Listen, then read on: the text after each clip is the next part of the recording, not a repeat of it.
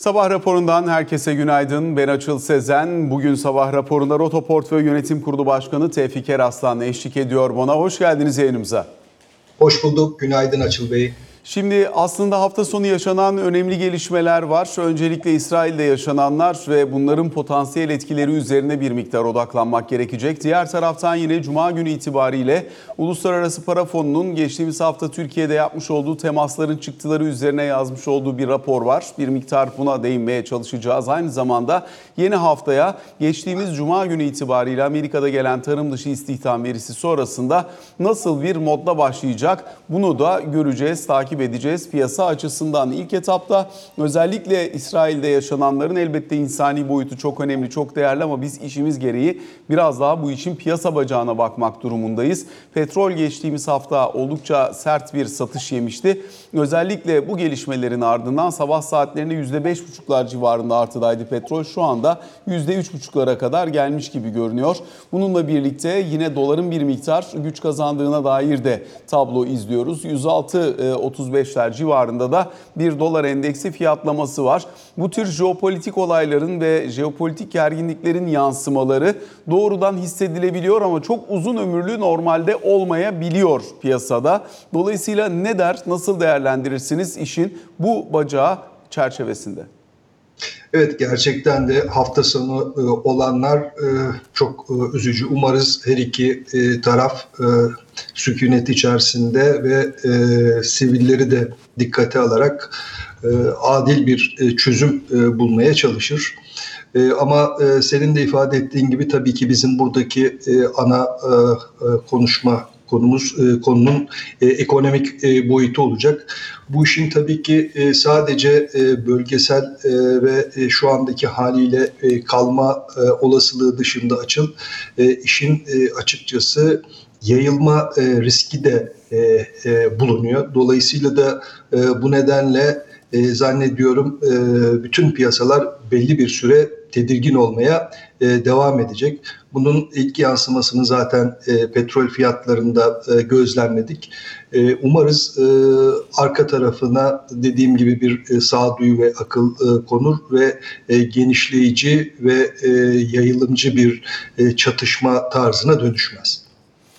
Şimdi buradan bir parça genel gidişata da dönüp bakalım dünyada. Özellikle tabii İsrail başka bir e, durumda ama bunun haricinde de e, dünyada jeopolitik gelişmelerin yansımalarını izlemeye devam ediyoruz. Rusya-Ukrayna savaşı bir taraftan devam ediyor. Çin'in e, kuşak yol projesi çerçevesinde yapılacak yeni demiryolu hatları üzerinden yeni bir rota çerçevesi tartışıldığını gözlemliyoruz. Türkiye'nin bu anlamda durduğu yer son dönemde biraz daha farklı. Jeopolitik açıdan Türkiye'nin durduğu yerde son 6 ay içerisinde yaşanan farklılaşmanın bundan sonrasında gerek fon akımları gerek Türkiye'nin ekonomisine dönük e, uzun erimli bakış açısı adına bir farklılık yarattığını düşünüyor musunuz? Yani gerçekten de e, son dönemde e, olanlara baktığımız zaman e, Kafkaslar, biraz önce senin söylediğin gibi Çin'in kuşak yol projesine alternatif yeni bir yol yaratılma çabası. Yine son dönemde gördüğümüz dünkü ve hafta sonki hadiselere baktığımız zaman bölge oldukça hareketli ve önümüzdeki dönemde siyasal açıdan e, ve ekonomik açıdan e, çok e, ciddi sonuçlar doğurabilecek olaylar olabileceğini işaretler veriyor. Dolayısıyla bu kilit noktada Türkiye'nin tabii ki çok büyük bir önemi var. Buradaki denklemi kendi lehine çözmek isteyen taraflar özellikle de Batı bunu kendi lehine daha kolay bir şekilde çözmek istiyorsa tabii ki Türkiye'nin buradaki rolü e, çok büyük e, olacak ve katkısı çok fazla olacak diye ben değerlendiriyorum. E, ama bunun bir anda uluslararası fon e, akımlarına etki etme olasılığını da henüz e, düşük görüyorum. Ama e, burada uluslararası fon akımları ile ilgili konu biraz daha e, Türkiye'nin e, bence e, son dönemde attığı ekonomik e, adımlarla ve uluslararası e, fon yöneticileriyle yürüttüğü müzakerelerde belli olacak diye düşünüyorum. Orada da e, gelinen nokta e, hiç fena değil. E, işin açıkçası e, ilk işaretler e, pozitifti ama e, zannediyorum fon akımını hareketlendirmek için de yeteri kadar e, güçlü değil. Önümüzdeki dönemde atılacak adımlar da uluslararası çevreler tarafından e, izleniyor olacak. Bizim tarafa dönüp bakacak olursak tabloyu bir miktar daha değerlendirmekte fayda var zannediyorum. Uzunca bir süredir Türkiye'de e, ekonomi politikasındaki değişikliği, bu değişikliğin yansımalarını ve uluslararası kurumlar nezdindeki değerlendirme boyutunu tartışıyoruz. Önce Dünya Bankası tarafından Türkiye'nin kredi limitlerinin artırılması gündeme geldi ve Burada ekonomi politikasında olumlu bir atıf söz konusuydu. Diğer taraftan arkadan gelen iki e, kredi derecelendirme kuruluşundan görünüm değişiklikleri negatiften durağına doğru çekilmesine dönük ve orta uzun vade içinde pozitif mesajlar içeren çeşitli notlar söz konusuydu. Son olarak Uluslararası Para Fonu ekibi 25 e, Eylül haftasında Türkiye'de yapmış olduğu temasların ardından çeşitli öngörüler yayınladı. Para politikasının daha uzlaşmacı bir çerçeveye, daha bilindik bir ortama ve platforma oturmasından duyulan memnuniyeti dile getiriyor IMF'nin yazmış olduğu rapor. Diğer taraftan özellikle hem büyüme tarafında 2024 yılında %3.25'lere doğru bir yavaşlama söz konusu olabileceğini, 2024 yılında cari açığın milli geliri oranının %3'lerle sınırlı kalabileceğini öngörüyor. Enflasyon tahmini Merkez Bankası'nın enflasyon raporu tahmininin üzerinde %33 öngörüyordu. Merkez Bankası'nın enflasyon raporunda 2024 sonu enflasyonunu Uluslararası Para Fonu %46 olarak öngörmüş. Dolayısıyla aslında para politikası faizinin e, işte %8,5'tan 30'a gelmesinin önemli olduğunu ancak e, negatif reel faiz e, noktasından gelinen bu nokta memnuniyet verici olmakla beraber uzun vadede biraz daha pozitif reel faize doğru dönme gereksinimini ifade etmiş kabaca böyle tarif edebiliriz Uluslararası Para Fonu'nun raporunu. Önemli çünkü Türkiye'nin hem orta vadeli programın hem de aynı zamanda değişen ekonomi program e, politikasının teyidini alabilmesi açısından IMF'nin bakışı önemli ve değerliydi. Bundan sonra fon akımları adına da yurt dışında bunların anlatımı adına da ekonomi yönetiminin elinde daha kuvvetli bir enstrüman oluşmuş gibi görünüyor. Ne dersiniz? Ee, ben de e, IMF'in e, bir kere e, raporuna olumlu cümleyle başlamış olmasını kıymetli buluyorum. Yani şu ana kadar ki özellikle para politikasında 8,5'tan 30'a gidiş, enflasyonla mücadelede verilen kararlılık ve e, diğer taraftan e, finansal piyasalardaki ya da e, finans e, piyasası üzerindeki e, e, getirilen e, kısıtların liberalleştirilmesi yönündeki adımlar e, olumlu olarak karşılanmış. E, ama bundan sonraki beklentiler olarak da e, enflasyonla e, mücadelenin kesintisiz e, devam ettirilmesi olarak e, ifade edilmiş. E, yine e, finansal piyasalardaki liberalleşmenin devam etmesi konusuna da e, vurgu yapılmış. Dolayısıyla e, önümüzdeki dönemde hem IMF'in hem de e, diğer e, fon sağlayıcı kurumların Türkiye'de bakacakları hususlar bunlar olacak. Dolayısıyla biz önümüzdeki dönemde ileriye dönük e, enflasyon beklentileri açısından e, reel faiz veren bir noktaya gelebiliyor muyuz? E, ve e, bunun dışında e, finans sistemi üzerinde de makro ihtiyati tedbirler olarak koyduğumuz bir takım kurallar vardı. Burası tabii ki işleyişi oldukça zorlaştıran e, kurallar. Dolayısıyla yabancılar da Türkiye'ye fon getirdikleri zaman bu kurallar nedeniyle hareket kabiliyetlerinin sınırlı olmasını istemiyorlar.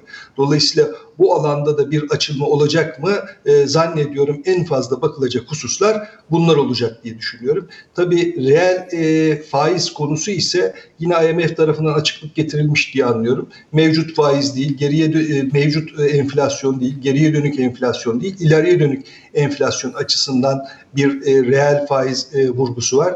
Burada tabii e, özellikle e, IMF'in ileriye dönük e, enflasyon beklentisinin e, Merkez Bankası'nın ya da OVP'nin e, e, işaret edilen enflasyondan daha yukarıda olması e, zannediyorum bu konuyu biraz muğlaklaştırmakla birlikte e, ileriye dönük enflasyon konusunda mutabık kalınmış olması da önemli diye ben düşünüyorum. Bu muğlak bölge üzerinden devam etmek isterim ben de. Çünkü aslına bakacak olursak e, bu pozitif reel faiz söylemi ekonomi yönetiminde bir müddettir konuşulan, tartışılan konulardan bir tanesi. Yatırımcılarla da e, müzakere edilirken bundan bahsediliyor. Dolayısıyla biraz önce sizin söylediğiniz gibi ex post değil yani geçmiş enflasyona, cari enflasyona değil ama bir yıl sonra ortaya çıkabilecek olan öngörü, enflasyon öngörüsünün üzerinde bir politika faizi. Şimdi Merkez Bankası'nın enflasyon raporu öngörüsü 33 olduğu için burada aslında politika faizi 30 iken yol kısalmış gibi duruyor. Ama e, kurumlar özellikle uluslararası kurumlar kabaca 40 civarında bir e, yıl sonu enflasyonu 2024 yıl sonu enflasyonuyla çalışıyor. Uluslararası para fonu ise burada biraz önce söylediğimiz gibi 40 46'lara kadar getirmiş durumda beklentiyi. Dolayısıyla buradan bakınca eğer bir pozitif reel faiz yani bir reel faiz verilecekse pozitif bir reel faiz verilecekse o zaman para politikasında bir miktar daha yol alınması gerekecek faiz üzerinden gibi anlaşılıyor. Dolayısıyla bu noktada Merkez Bankası'nın duruşunun adaptif olması veya söylemlerinin bu çerçevede e, orta uzun vadede piyasayla arasındaki boşluğu kapatıcı nitelik taşıması önemli. E, ya piyasa bir şekilde beklentilerini aşağı çekecek ya Merkez Bankası enflasyon beklentisini yukarı itecek. Yoksa beklenti kanalında bir boşluk oluşması riski var gibi görünüyor. Ne dersiniz? E, doğru yani şu anda e, baktığımız zaman e, gerçekten de IMF'in e, enflasyon beklentisini sen az önce ifade ettin. Yine piyasada e, birçok kurum 40 civarında bir e, enflasyon öngörüyor. Diğer taraftan e, OVP'deki enflasyon verimiz 33. Demek ki e, burada bir e, yakınlaşma bütün tarafların e, daha ortak bir e, rakam üzerinde uzlaşması gerekiyor olacak. Önümüzdeki dönemde demek ki Merkez Bankası'nın üstüne düşen en önemli vazifelerden bir tanesi de açıl. Bu e, beklenti enflasyonu konusunda tarafları ikna etmek e, olacak. Bu da atılacak kararlı adımlarla mümkün olabilir diye ben e, düşünüyorum. Ondan sonrası reel faiz e, konusunu e, şey yapmak, e, tarafları ikna etmek konusu daha kolay olacak diye düşünüyorum. Bu arada gerçekten de yabancı bankalar nezdinde de bu e, reel faiz konusu oldukça önemli oldu. Uzunca süredir bu konuya değinilmezken Goldman Sachs'ın carry trade ile ilgili 25 sayfalık bir rapor yayınlaması da aslında buradaki beklentiyi ciddi bir şekilde ortaya koyan bir rapor oldu diyebilirim. Şimdi bundan sonrası için özellikle e, IMF'nin raporunda öngörmüş olduğu çeşitli riskler de var. Bunların üzerinden de bir miktar geçmek isterim. Birincisi rezerv durumu elbette. Brüt rezervler Eylül sonu itibariyle 122,5 milyar dolara ulaştı ama özellikle yükümlülükler bilanço içi ve bilanço dışı kısa vadeli yükümlülükler hariç tutulduğu zaman negatif kalmaya devam ediyor deniliyor. E, diğer taraftan da özellikle kur çerçevesinin işte dalgalanmaya bırakılmış olması nispi olarak olumlu karşılanmış Uluslararası Para Fonu tarafından. Ama müdahale gerektiğinde rezerv yapısı belirleyici olacak buradaki agresiflik açısından diye de eklemişler. Rezervin risk boyutu üzerinde ne söylersiniz? Ee, evet yani rezervle ilgili e, kaygı zannediyorum bizim e, ekonomi yönetimimizde de e, var. Dolayısıyla KKM'yi bu nedenle dikkatli bir şekilde çözmeye çalışıyor. Diğer taraftan döviz rezervi tabii ki bir dövizle ilgili hareket olduğu zaman, dövize müdahale etmek gerektiği zaman kullanılması düşünülen bir rezervden bahsediyoruz. Bu nedenle de önümüzdeki dönemde dövize müdahale et etmeyi gerektirmeyecek bir ekonomi politikası izlenmesi gerekiyor. Bir de tabii ki e, döviz rezervlerini arttırıcı politikanın izlenmesi son derece önemli olacak e, açıl. O nedenle de zannediyorum reel faize bu kadar e, ağır bir e, vurgu yapılıyor. Çünkü ekonominin bir anda cari fazla verir e, noktaya getirilmesi e, çok kolay değil. Çünkü arka tarafta yapısal başka konuları çözmeniz lazım ya da ülkenin ihracat kapasitesini arttırabiliyor olmanız e, lazım. O nedenle de reel faizle e, döviz akışının sağlanması çok önemli diye düşünülüyor. Bu nedenle de buraya fazla vurgu yapılıyor. Dünyadaki faiz ortamının bizim gibi gelişen ülkelere etkisini de bir parça işin içerisine sos olarak katmak lazım zannediyorum. Çünkü özellikle Amerika'da tahvil faizlerinin %5'lere doğru gidiyor olması Piyasa açısından önemli, borçlanma maliyetlerini yükselten, döviz açığı olan ülkeler üzerinde baskı yaratan bir unsur.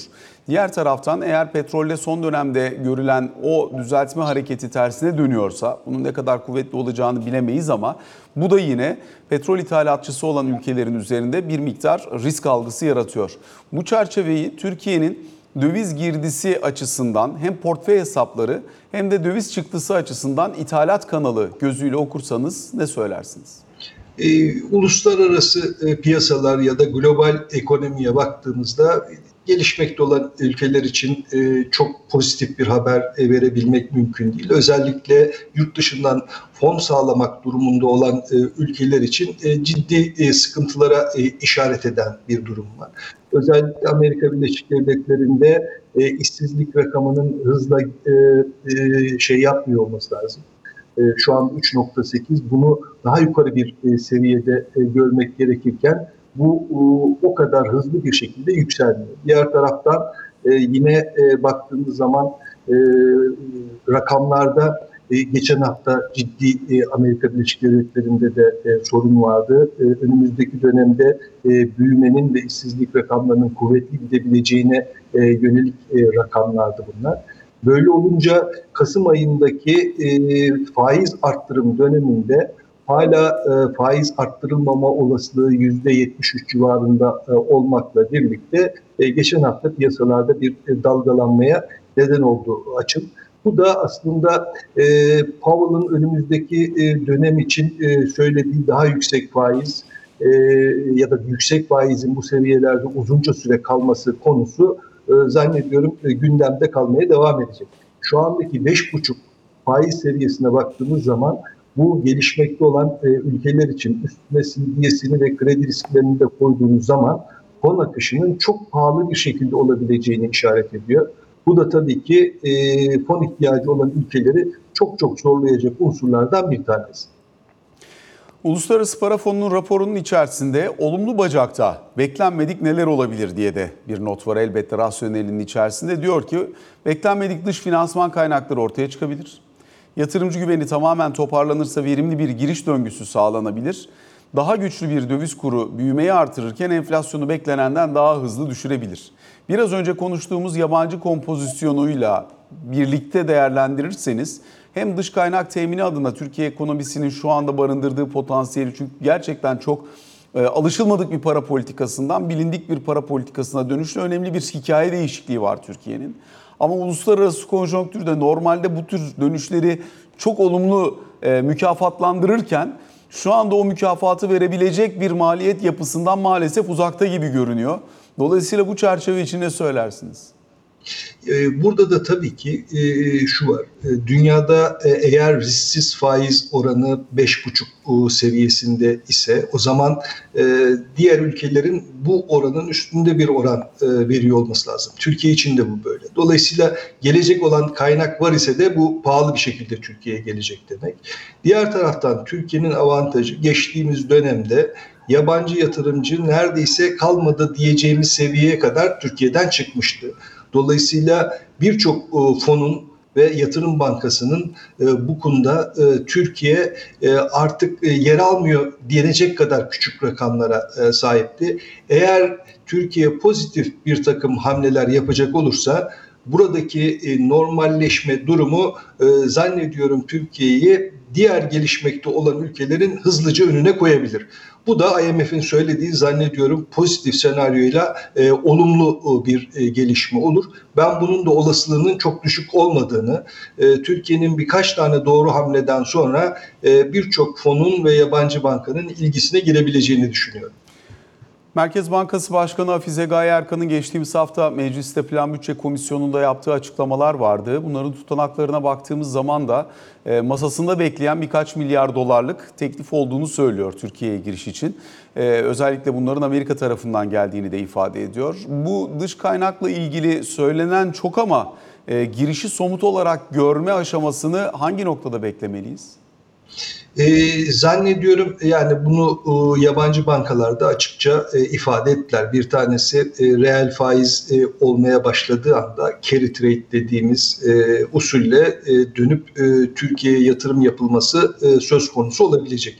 Diğer taraftan yine başka bir e, Amerikan e, bankası JP Morgan'ın Türk lirasına ilişkin e, raporuydu. O da Türk lirasının e, yeteri kadar e, iyi bir değerde olduğunu e, söylüyordu. Dolayısıyla aşırı değerli bir e, Türk lirasından ya da aşırı değersiz bir Türk lirasından bahsedilmiyor. E, o nedenle e, ben e, burada da yine Türkiye'ye e, giriş için Türk lirası ile ilgili bir e, değersiz yani devalüasyon beklentisinin yabancı yatırımcılarda olmadığını görüyorum. Dolayısıyla bakılan şey daha çok burada carry trade yapılabilecek bir e, ortam olacak mı e, diye e, düşünülebilir. Yine döviz cinsinden e, Türkiye'nin ya da Türk şirketlerinin yapacağı Eurobond e, ihraçlarına baktığımız zaman burada da e, imkanların olduğunu görüyorum. E, yine e, borsa e, İstanbul'da yabancı e, payı oldukça e, düşük. Buraya baktığımız zaman Türkiye'nin yine blue chip diye e, addedebileceğimiz büyük şirketlerine yabancı yatırımcının gelme e, olasılığını da yüksek görüyorum.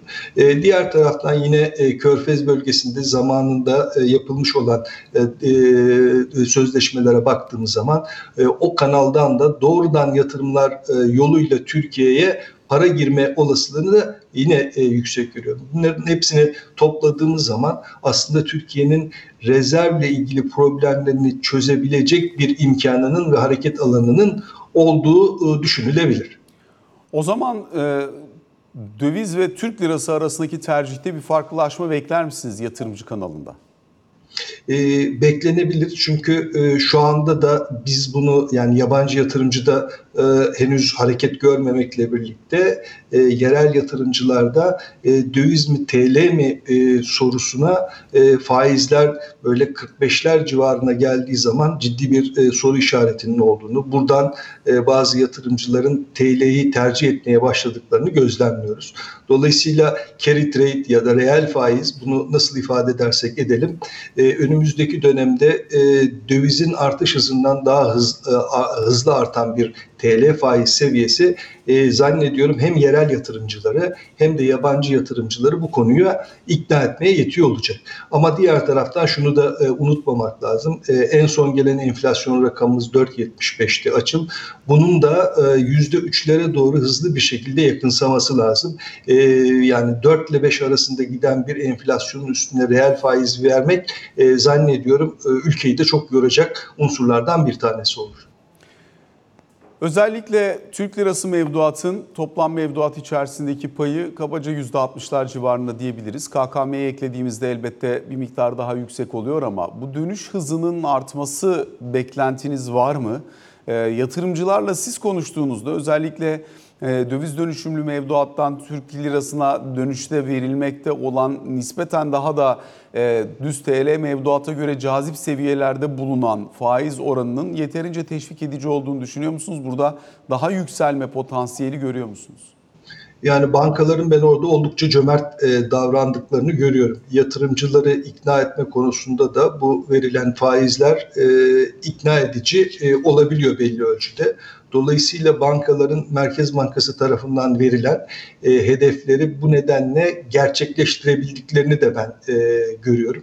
E, burada e, verilen e, faiz e, zannediyorum yatırımcılar tarafından da e, cazip. Tedrici olarak KKM'den TL mevduata bir e, geçiş olduğunu da e, gözlemliyoruz. Nereler Ay- daha ikna edici seviye olarak?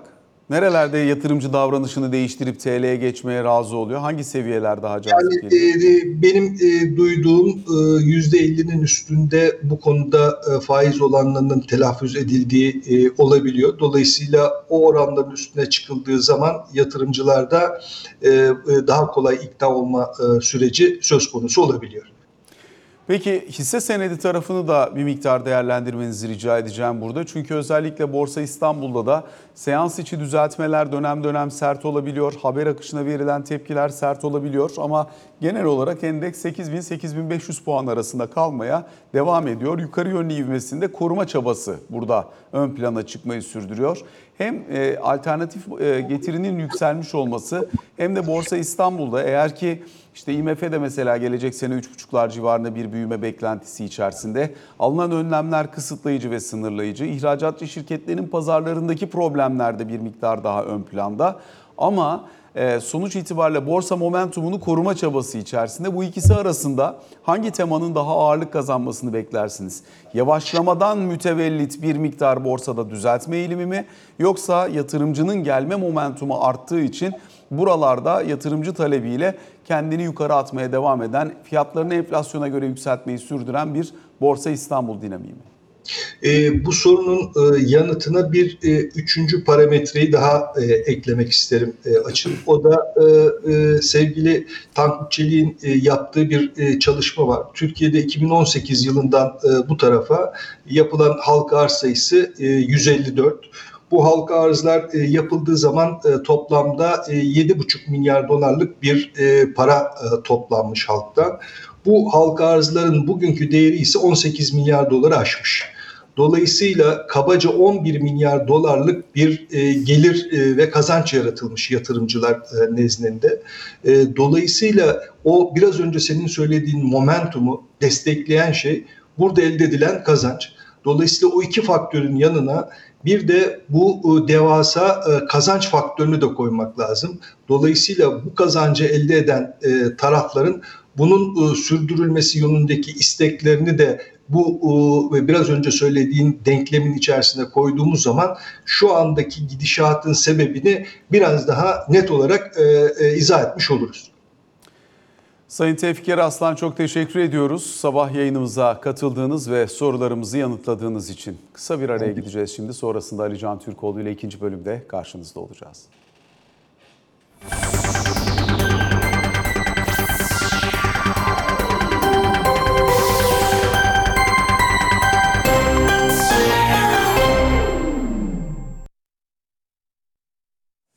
Sabah raporunun ikinci bölümüyle karşınızdayız. Ali Can Türkoğlu ile birlikteyiz. Ali Can şükür kavuşturana.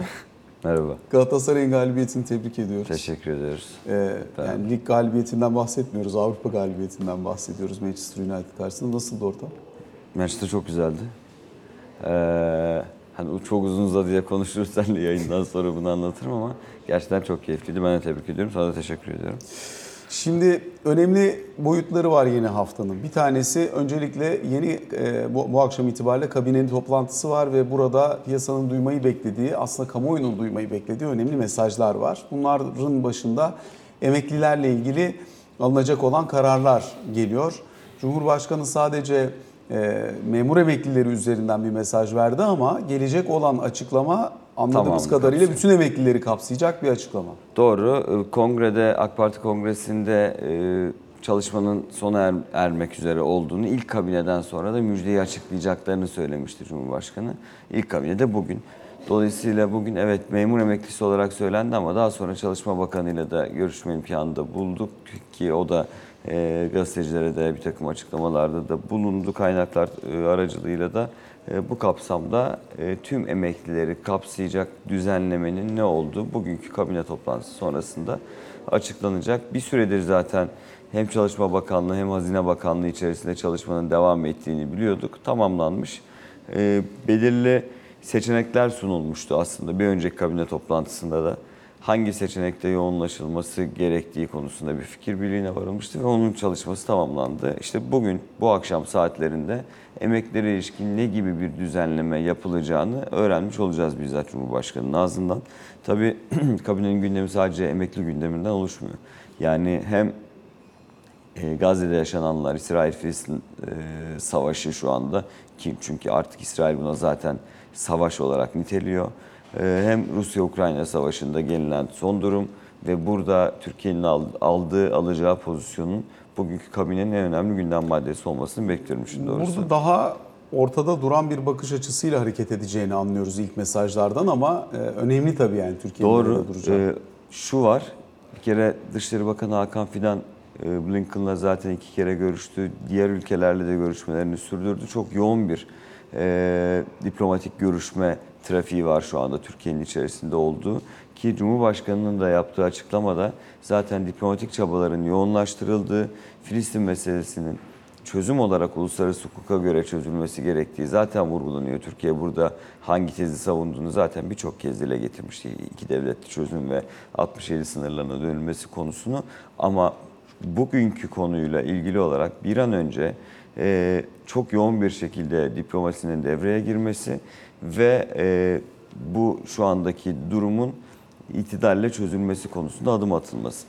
Kimlerle görüşülecek, kimler devreye girecek, bir anda iş sakinleşecek mi? Buradaki genel beklenti e, hayır yönünde. Yani özellikle İsrail'in e, son 50 yıldaki en büyük saldırıyla karşı karşıya kalması sonrasındaki e, şu andaki operasyonlarının çok daha sertleşerek devam etmesinin daha yüksek ihtimal olduğu söyleniyor. Hatta tankların bölgeye sevk edilmesi neticesinde de yakın zaman içerisinde bir kara harekatında olabileceği yönündeki yorumu askeri uzmanlar daha fazla yapıyorlar şu anda. Ama Ankara tarafından bakıldığında görüşmelerin ve diplomasinin devam ettirilmesi ve bu kapsamda çözümün hızlı bir şekilde e, çözümü hızlı bir şekilde ulaşılması yönündeki tezin korunduğunu görüyoruz. Dolayısıyla bugünkü kabinenin e, kritik maddelerinden birisi olacaktır. Bir yandan Rusya-Ukrayna savaşı zaten gündemde bilindiği gibi. E, Bir yandan da Irak ve Suriye'nin kuzeyinde operasyonlar devam ediyor. Bu operasyonlardaki gelinen noktanın da yine kabine toplantısında görüşüleceği biliniyor. Bu arada İsrail-Filistin konusuyla ilgili olarak üst üste açıklamalar da geliyor diğer ülkelerden de. Yani mesela İran'ın Hamas'ı tebrik ettiğini ve e, de arkasında olduğuna yönelik çok net bir açıklama bizzat İran Cumhurbaşkanı tarafından yapıldı. Moskova'dan açıklama geldi. Moskova'dan açıklama, Çin'den açıklama geldi. Çin'de mesela şiddet tırmanmasın bundan endişe duyuyoruz diyor ama çatışmadan çıkmanın temel yolu bağımsız bir Filistin devletinin de kurulması yönündeki açıklamasını da yapıyor. Ee, son okuduğum açıklama Scholz'tan geldi Almanya Başbakanı'ndan barbarlık olarak nitelendiriyor mesela. Yani bu kapsamda e, dünyadaki tüm ülkelerden konuyla ilgili, savaşla ilgili, çatışmalarla ilgili değerlendirme ve açıklama gelecektir. Ama bu olay nerede duracak, nerede sakinleşecek sorusunun cevabının e, kimse tarafından verilebileceği bir dönemde değiliz gibi gözüküyor. Dolayısıyla bunlar da konuşulacak kabinenin kapsamında.